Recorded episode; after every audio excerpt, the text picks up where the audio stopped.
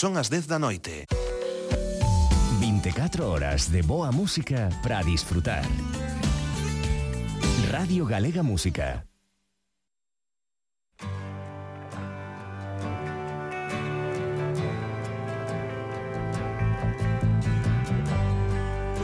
Cara B, con Manuel de Lorenzo. Jerry Fielding, O músico a quen Sam Peckinpah encargaba os arranxos orquestrais das súas películas recomendou non usar as cancións de Bob Dylan cando escoitou o material que este escribira para a banda sonora de Pat Garrett and Billy the Kid. Dylan mandaralle os temas e o tal Fielding quería descartalos. Quería descartar a Bob Dylan. Tempo despois declarou Eu estaba afeito a traballar con xente que sabía ler música, non con aqueles aos que lles gustaba reinventala. Afortunadamente, San Pekin Pack decidiu seguir adiante coa colaboración de Dylan, que encolleu e escribiu unha nova canción para a película. Levoulla a Pekin Pack para que a escoitase e díxolle O teu amigo Fielding vaise volver tolo cando escoite isto. Esa canción era Knocking on Hell's Door.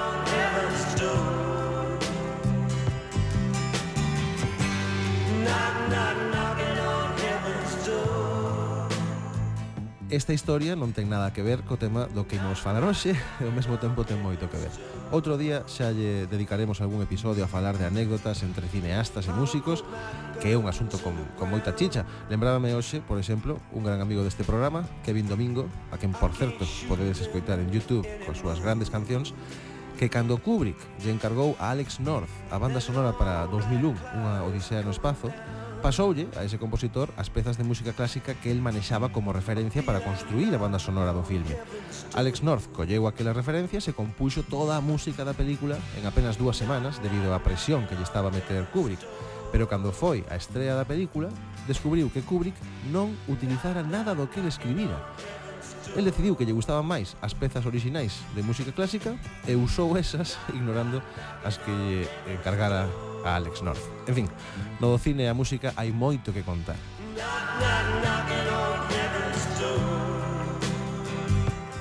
Pero non é desa extraña relación de parella do cine e a música eh, da que quero falar hoxe. O motivo polo que abrimos este episodio cunha canción tan coñecida de Bob Dylan é porque hai outra relación na que me interesa moito máis profundar na relación entre pais e fillos, e máis concretamente nas carreiras musicais de algúns dos fillos das máis grandes estrelas do pop e do rock. Porque, como era previsible, moitas lendas da historia da música tiveron descendencia, especialmente Julio Iglesias, e moitos deses fillos e fillas actualmente dedícanse á música tamén. Eh, como por exemplo Jacob Dylan, o fillo de Bob Dylan, co seu grupo de Wallflowers, que explica por que hoxe abrimos con Bob Dylan. É do que falaremos ao final deste episodio porque o caso dese tipo de Jacob Dylan penso que merece unha mención aparte. Pero en fin, agora que o tema do episodio do episodio de hoxe xa está claro, deixade que poña primeiro a sintonía do programa e arrincamos con vento a favor, que nesta ocasión creo que son moitas cancións e vaime facer boa falta o tempo. Imos aló, polo tanto, benvidas todas e todos, eu son Manuel de Lorenzo e aquí comeza Cara B.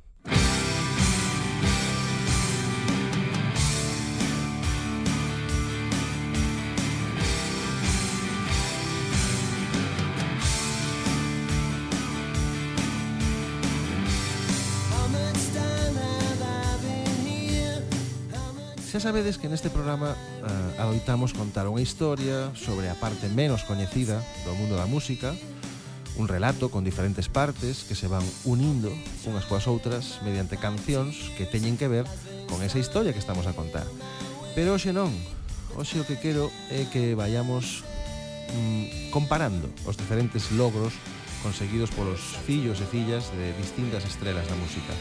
Alguns con escaso talento, como James McCartney, fillo de Paul McCartney, que puido tentalo na industria musical grazas ao seu apelido, pero con escasa sorte.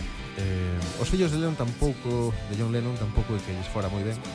Había que preguntarse cantas copias dos seus discos venderían Sean e Julian Lennon de ter outro apelido. Sen embargo, hai outros casos nos que independentemente do apelido, o talento rematou impoñéndose. ¿Mm? Porque ninguén escoita, por exemplo, a Miley Cyrus por ser a filla de Billy Ray Cyrus, non? ou o caso de Siggy Marley, que pode que ao principio si sí desfrutara do tirón de ser fillo de quen era, pero rematou colleitando eh, unha auténtica lesión de fans por todo o mundo cos seus traballos. Algo moi semellante o que lle aconteceu a Enrique Iglesias, sen ir máis lonxe, non? Comezou destacando por ser fillo de Julio, eh, pero non tardou en atopar o seu lugar. Male que os casos realmente interesantes son, penso eu, os de aqueles que non tiraron de apelido para abrir esa porta, eh, os que chegaron e triunfaron grazas á súa música, non? E despois soubemos que eran os fillos de vellos coñecidos do pop ou do rock, non? Como por exemplo Nora Jones, que acabou éxito sen necesidade de ir por aí berrándolle a xente que era a filla de Ravi Shankar ou Albert Hammond Jr., que triunfou fundando o seu grupo The Strokes sen que ninguén soubese que ese rapaz era fillo de Albert Hammond, ou o mesmo Jacob Dylan, que probou fortuna con The Wallflowers eh, eh, en ninguna parte do cartel ponía cando estaban a tocar en Garitos dos Ángeles que o cantante e o compositor da banda era o fillo de Bob Dylan. E non me quero esquecer dos casos nos que o apelido foi máis ben unha lousa, un lastre, E un bo exemplo sería o de Nancy Sinatra, que na miña opinión eh, tiña talento dabondo para triunfar por si sí mesma e se non chegou máis alto, penso eu foi polas inevitables comparacións co mito que era o seu pai. En realidade, eh, Nancy Sinatra é unha das cantantes con máis éxito da década dos 60, eh? É certo que o seu primeiro disco, Boots, onde se atopa a mítica canción These Boots are Made for Walking, eclipsa os seus demais traballos, especialmente despois de cambiar de discográfica no ano 1969, pero o seu éxito durante esa década dos 60, eh, seguramente unha das décadas máis complicadas, por certo, para cadar eh, o éxito musical, o seu éxito foi brutal, brutal, pero claro, quen resiste a comparación constante con esa lenda chamada Frank Sinatra? Ninguén. Ninguén.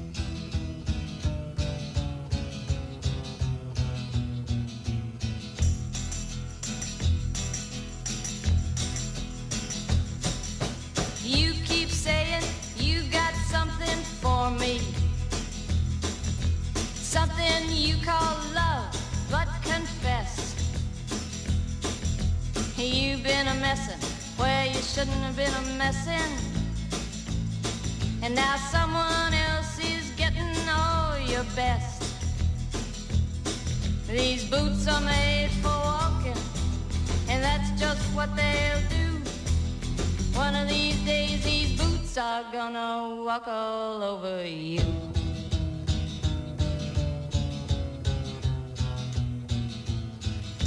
Yeah. You keep lying when you ought to be truthin'. And you keep losing when you ought to not bet. You keep saying when you ought to be a changing. Now what's right is right, but you ain't been right yet. These boots are made for walking, and that's just what they'll do. One of these days these boots are gonna walk all over you.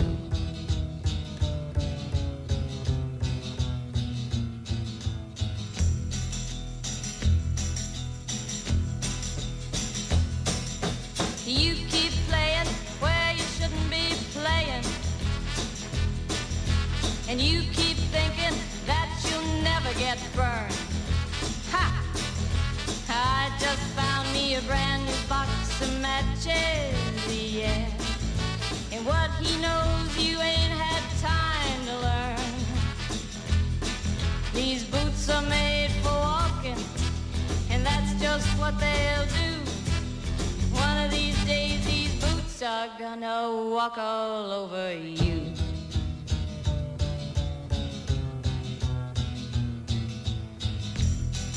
Are you ready, Boots? Start walking.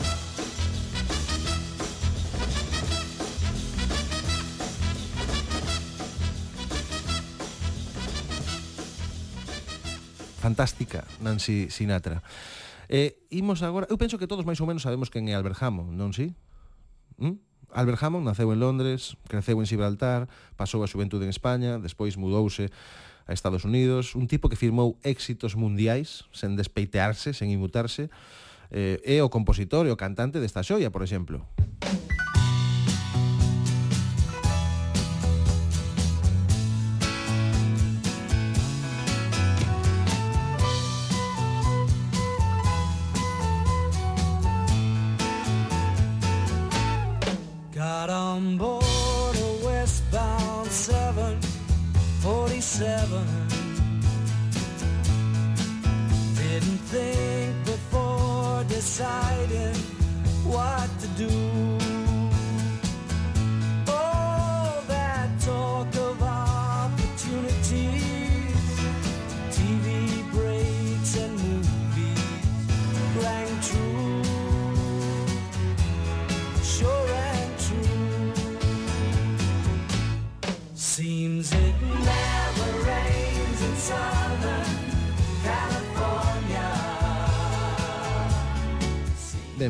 O seu fillo é Albert Hammond Jr., o fillo de Albert Hammond e da modelo argentina Claudia Fernández. El naceu en California, marchou a estudar nun internado suizo, regresou a Estados Unidos e ali, xunto a un compañeiro internado, Julian Casablancas, fundou The Strokes, unha banda que se ten o son que ten é precisamente pola influencia musical de, do seu guitarrista e compositor Albert Hammond Jr.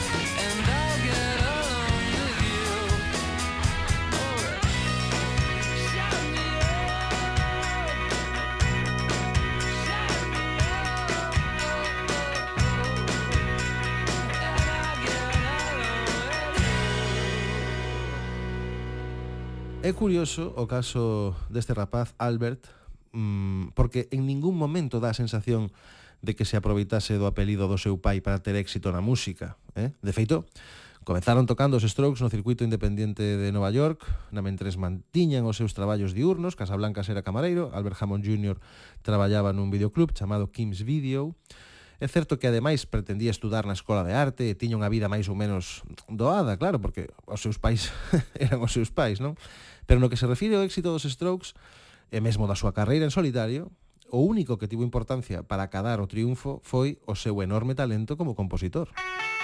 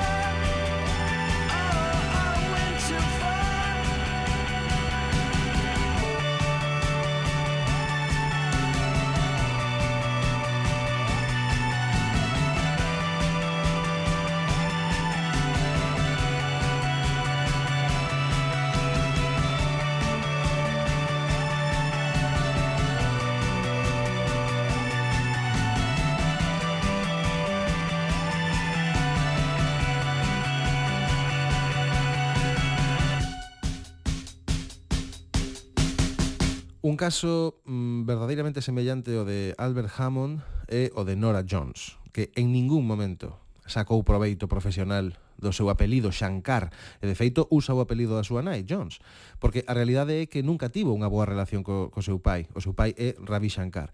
Eh, o seu é un caso de talento ben xestionado e penso que en fin, ningún de nós sabía que Nora Jones era a filla de Ravi Shankar cando ela xa era unha estrela non? iso soubémolo despois.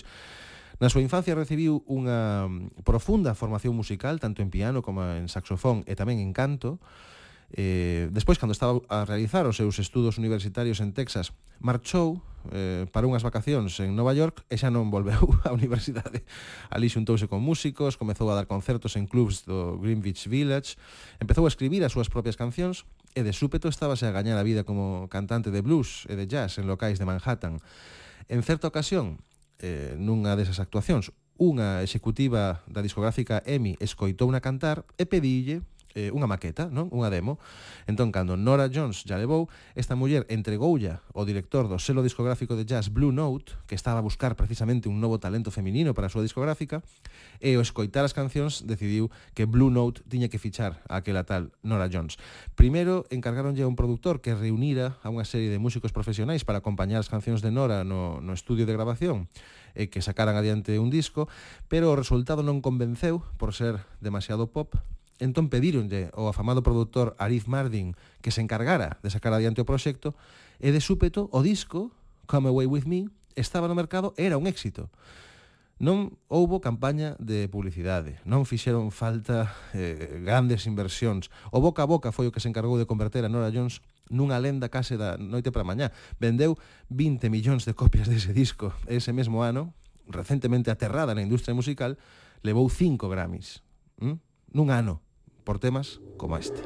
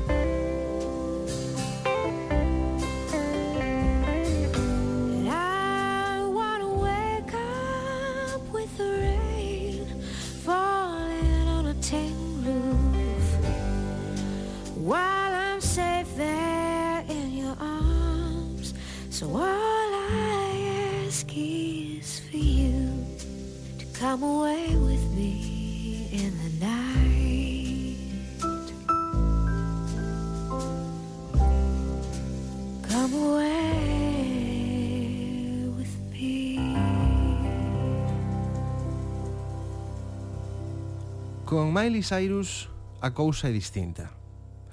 Todo o mundo sabía que Miley era a filla do músico de country pop Billy Ray Cyrus, este tío. My heart, my Pero iso non quere dicir que Miley Cyrus chegase ata onde chegou grazas á fama do seu pai, porque de feito ela eh, debido ao seu talento superou uno amplamente, non? Na súa infancia deuse a coñecer como ídolo infantil e adolescente co personaxe de Hannah Montana, co que ademais grabou un par de discos e tal, pero de súpeto no ano 2007 publicou o álbum Meet Miley Cyrus, ou sexa, coñecede a Miley Cyrus e eh, o seu personaxe, o de Hannah Montana, desapareceu, quedou eclipsado pola verdadeira identidade eh, pola gran personalidade de, de Miley Cyrus. Desapareceu para sempre. Dende entón, Miley Cyrus é un dos referentes da industria pop, non é unha desas divas da canción, pois como Katy Perry ou así, non que desaparecen ou perden eh, perden presenza dali uns anos. Esta é unha artista que sabe reinventarse, sabe seguir no máis alto con cada disco, sabe medir o timing da modernidade da vanguarda e sitúase sempre un paso por diante dos demais, teño a sensación. De feito, dá impresión de saber sempre que facer e que dicir para que a súa imaxe continúe a medrar, sen importarlle moito que acusen de excéntrica, pero sobre todo é unha gran compositora é unha cantante eh, eu penso que excepcional, non? E como mostra diso, aquí tedes Midnight Sky.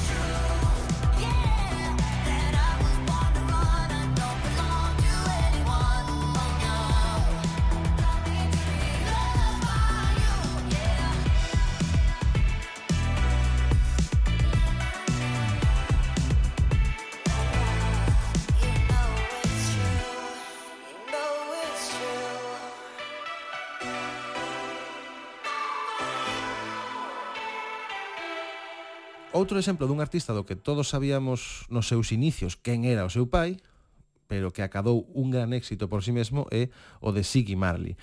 Coa diferenza, con respecto a Miley Cyrus, de que Bob Marley é un dos mitos máis grandes non da, da historia da música, que neste caso o fillo non logrou superar en sona o seu pai, pero ollo porque o seu éxito é descomunal, eh? o mellor non o parece porque é fillo de quen é, pero sigue ten oito premios Grammy no seu haber, oito, eh? non é un pimpín que ande por aí levando o apelido do pai e punto, como Kelly Osbourne ou como James McCartney, o fillo de Paul McCartney.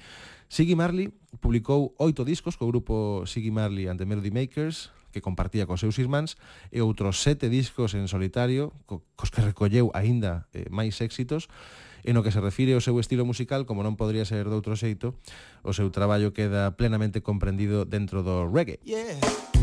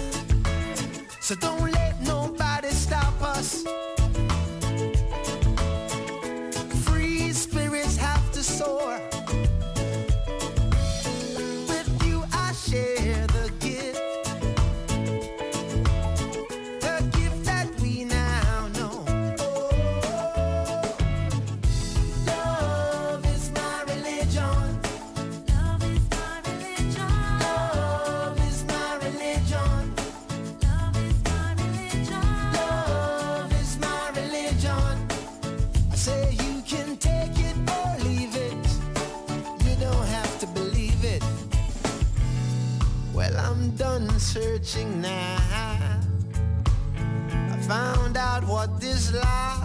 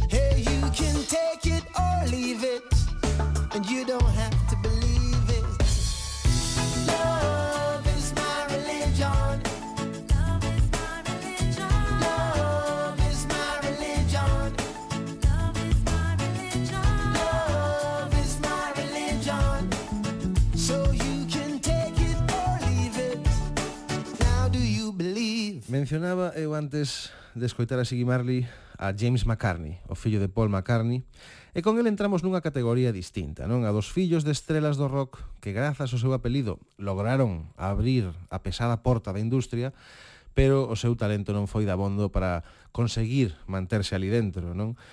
Que non o fai mal, ollo, o tipo, pero en fin, falle falla un pouco, non sei, mm, é necesario algo máis para construir a túa propia carreira. A ver, imos darlle unha oportunidade a James McCartney. Veña.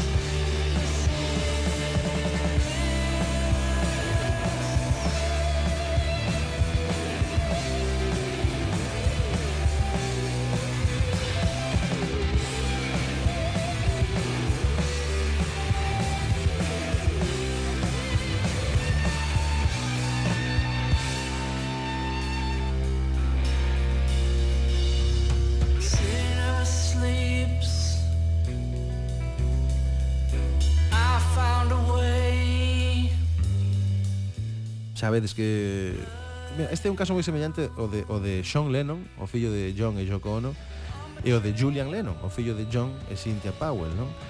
Bueno, a trayectoria de, de Julian en concreto en concreto, perdón, foi claramente descendente, se cadra porque o comezo era moito que se esperaba del, non? E, e despois a cousa non rematou de convencer, debutou na música no ano 1984, tan só 4 anos despois do asasinato do seu pai, e tal vez por iso as expectativas eran tan altas e tan intensas, non? O herdeiro creativo de Lennon podería estar a chamar a porta da industria. E conseguiu colocar dous temas do seu primeiro disco no top 10, incluído o coñecido Too Late for Goodbyes, e tamén estivo nomeado aos Grammy. O seu segundo álbum, The Secret Value of Daydreaming, recibiu peores críticas, malla que conseguiu chegar ao número 1 das listas de vendas de rock nos Estados Unidos, co seu tema Stick Around, E despois a súa trayectoria no mundo da música seguiu descendendo e finalmente deixou no para ser fotógrafo, produtor de documentais, filántropo e tamén escritor, eh? porque é autor dunha triloxía que curiosamente eh, rematou converténdose nun bestseller hai algúns anos.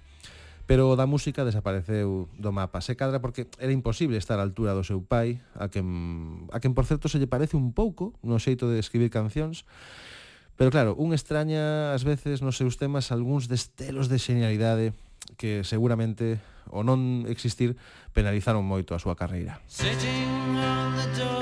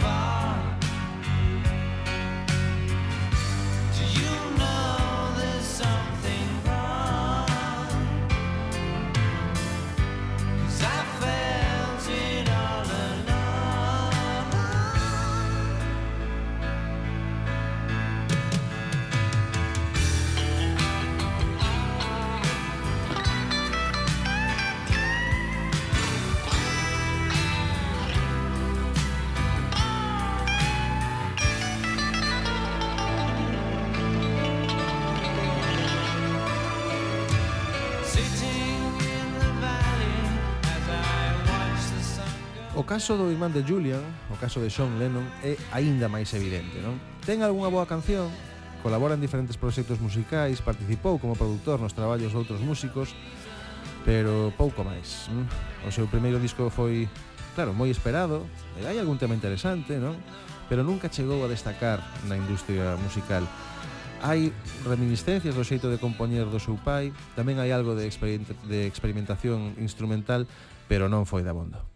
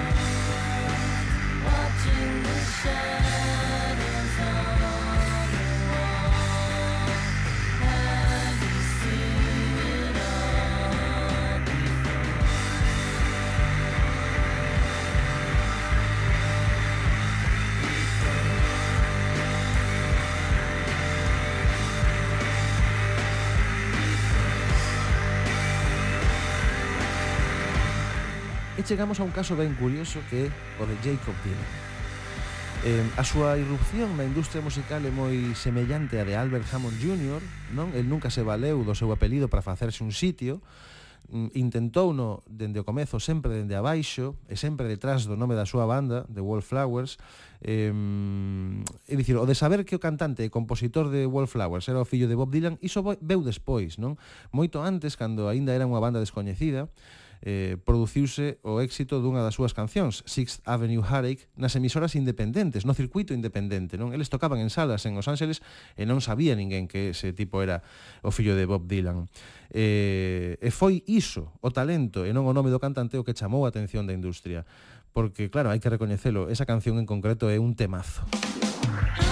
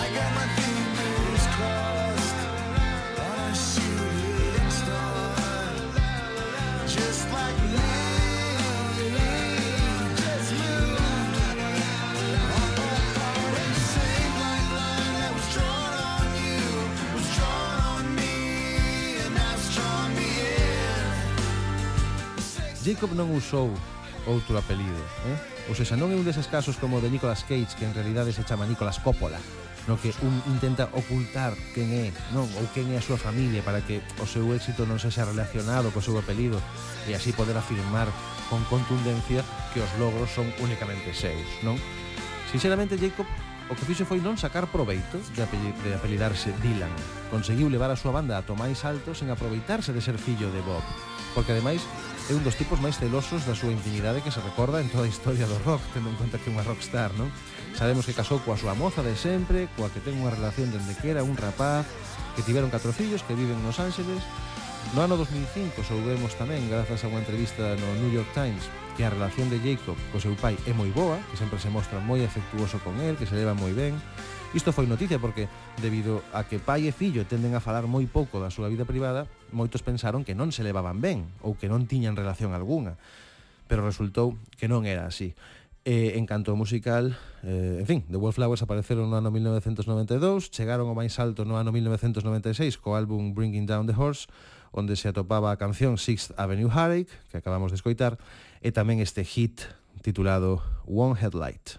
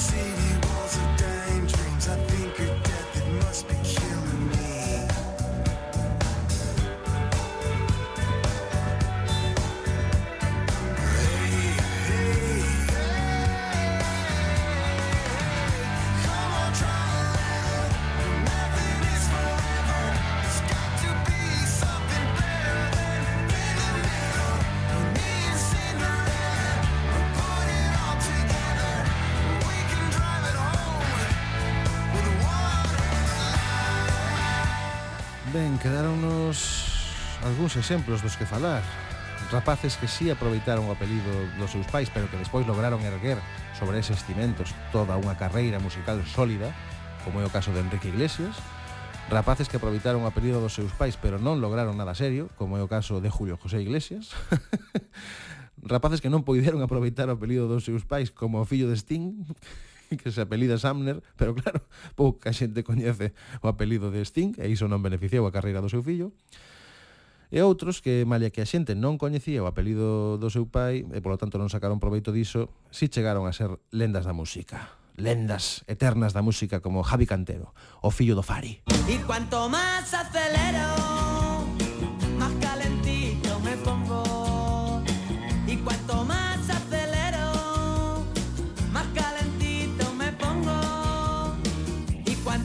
Pero o certo é que non temos máis tempo. Ata aquí chegou este episodio titulado Eche pencillo dos seus pais no que repasamos algúns dos éxitos dos fillos e fillas de grandes músicos de todos os tempos que en algúns casos chegaron a superar os seus pais en outros quedaron moi preto, ás veces valéndose do seu apelido, como dicíamos, ás veces rexeitando, como Nora Jones, pero sempre demostrando que o sangue dos seus proxenitores corre polas súas veas. Espero que desfrutarades moito destas curiosidades que se agochan moitas veces na parte de atrás da historia da música. Xa sabedes que nós estamos encantados de contárbolas e ademais de poder, de poder acompañalas coa mellor música, non? Agardamos que vos gustara tanto como a nós porque a vindeira semana volveremos con máis relatos e máis música neste espazo sobre a letra pequena das páxinas do rock e o pop que se chama Cara B. Non vos esquezades de buscar o resto dos nosos episodios na plataforma radiogalegapodcast.gal ou en Spotify ou no resto das plataformas de podcast. Un saúdo. Cuidadevos moito. de su abrigo He llegado a la esperanza Y si sigo me mareo Vaya montañas más altas Y cuanto más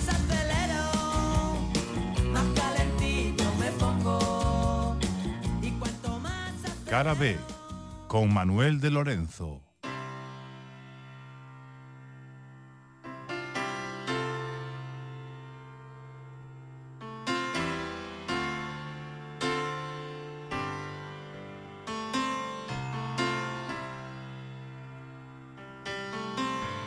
Un poco de ti para sobrevivir. Esta noche que viene, fría y sola. Un aire de éxtasis en la ventana.